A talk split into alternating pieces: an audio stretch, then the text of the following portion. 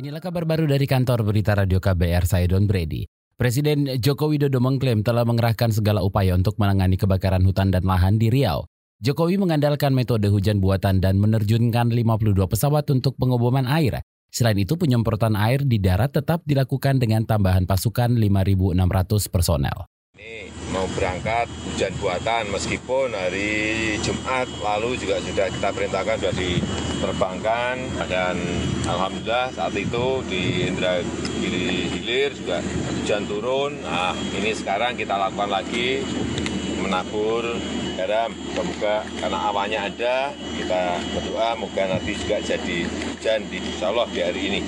Presiden Jokowi akan meninjau langsung proses pengoboman air dan hujan buatan di Pelalawan dan Kampar di Riau dengan menggunakan helikopter. Jokowi ingin memastikan penanganan karhutla berjalan maksimal agar aktivitas masyarakat segera pulih. Jokowi juga mengikuti salat istisqa untuk meminta hujan bersalam warga bersama warga di Masjid Amrullah, Kompleks Pangkalan TNI Angkatan Udara Rusmin Nurjadin di Pekanbaru. Jumlah tersangka pelaku kebakaran hutan dan lahan di enam provinsi terus bertambah. Kepolisian telah menetapkan 185 orang dan empat korporasi sebagai tersangka pelaku karhutla. Juru bicara Mabes Polri Dedi Prasetyo mengatakan bakal terus melakukan penegakan hukum lantaran karhutla terjadi akibat ulah manusia. Karena kemarin pada saat peninjauan Pak Kapolri bersama Panglima TNI di Riau memang bisa disimpulkan 99 persen untuk kejadian kebakaran hutan dan lahan itu adalah faktor manusia.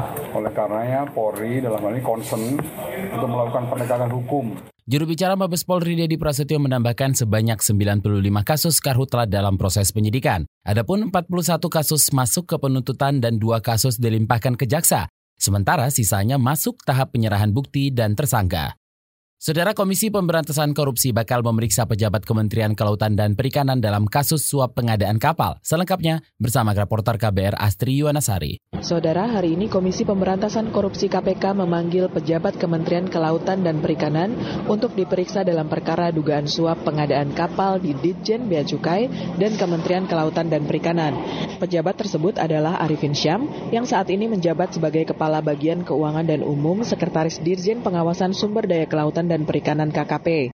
Arifin diperiksa sebagai saksi untuk tersangka Amir Gunawan atau AMG di Rut PT Daya Radar Utama. Saudara dalam kasus korupsi pengadaan 16 unit kapal patroli cepat pada Direktorat Penindakan dan Penyidikan Ditjen Bea Cukai tahun anggaran 2013-2015, KPK telah menetapkan tiga tersangka. Mereka adalah pejabat pembuat komitmen Istadi Prahastanto, Ketua Panitia Lelang Heru Sumarwanto, dan Direktur Utama PT Daya Radar Utama Amir Gunawan. Kemudian dugaan korupsi pembangunan 4 unit kapal 60 meter untuk sistem kapal inspeksi perikanan Indonesia pada Ditjen Pengawasan Sumber Daya Kelautan dan Perikanan KKP tahun anggaran 2012-2016 dengan dua tersangka, yaitu pejabat pembuat komitmen Aris Rustandi dan Direktur Utama PT Daya Radar Utama Amir Gunawan. Dari kedua kasus korupsi tersebut, negara dirugikan sekitar 179 miliar rupiah. Dari Gedung Merah Putih KPK Jakarta, Astri Yuwanasari untuk KBR. DPR periode 2014-2019 gagal merampungkan pembahasan rancangan Undang-Undang Pengawasan Obat dan Makanan. Ketua Komisi Kesehatan DPR Dede Yusuf mendorong pembentukan panitia kerja RUU BPOM periode berikutnya agar pembahasan bisa dilanjutkan. Menurutnya, rancangan undang-undang ini penting disahkan untuk memperkuat BPOM dalam mengawasi peredaran obat dan makanan. Kapan selesai?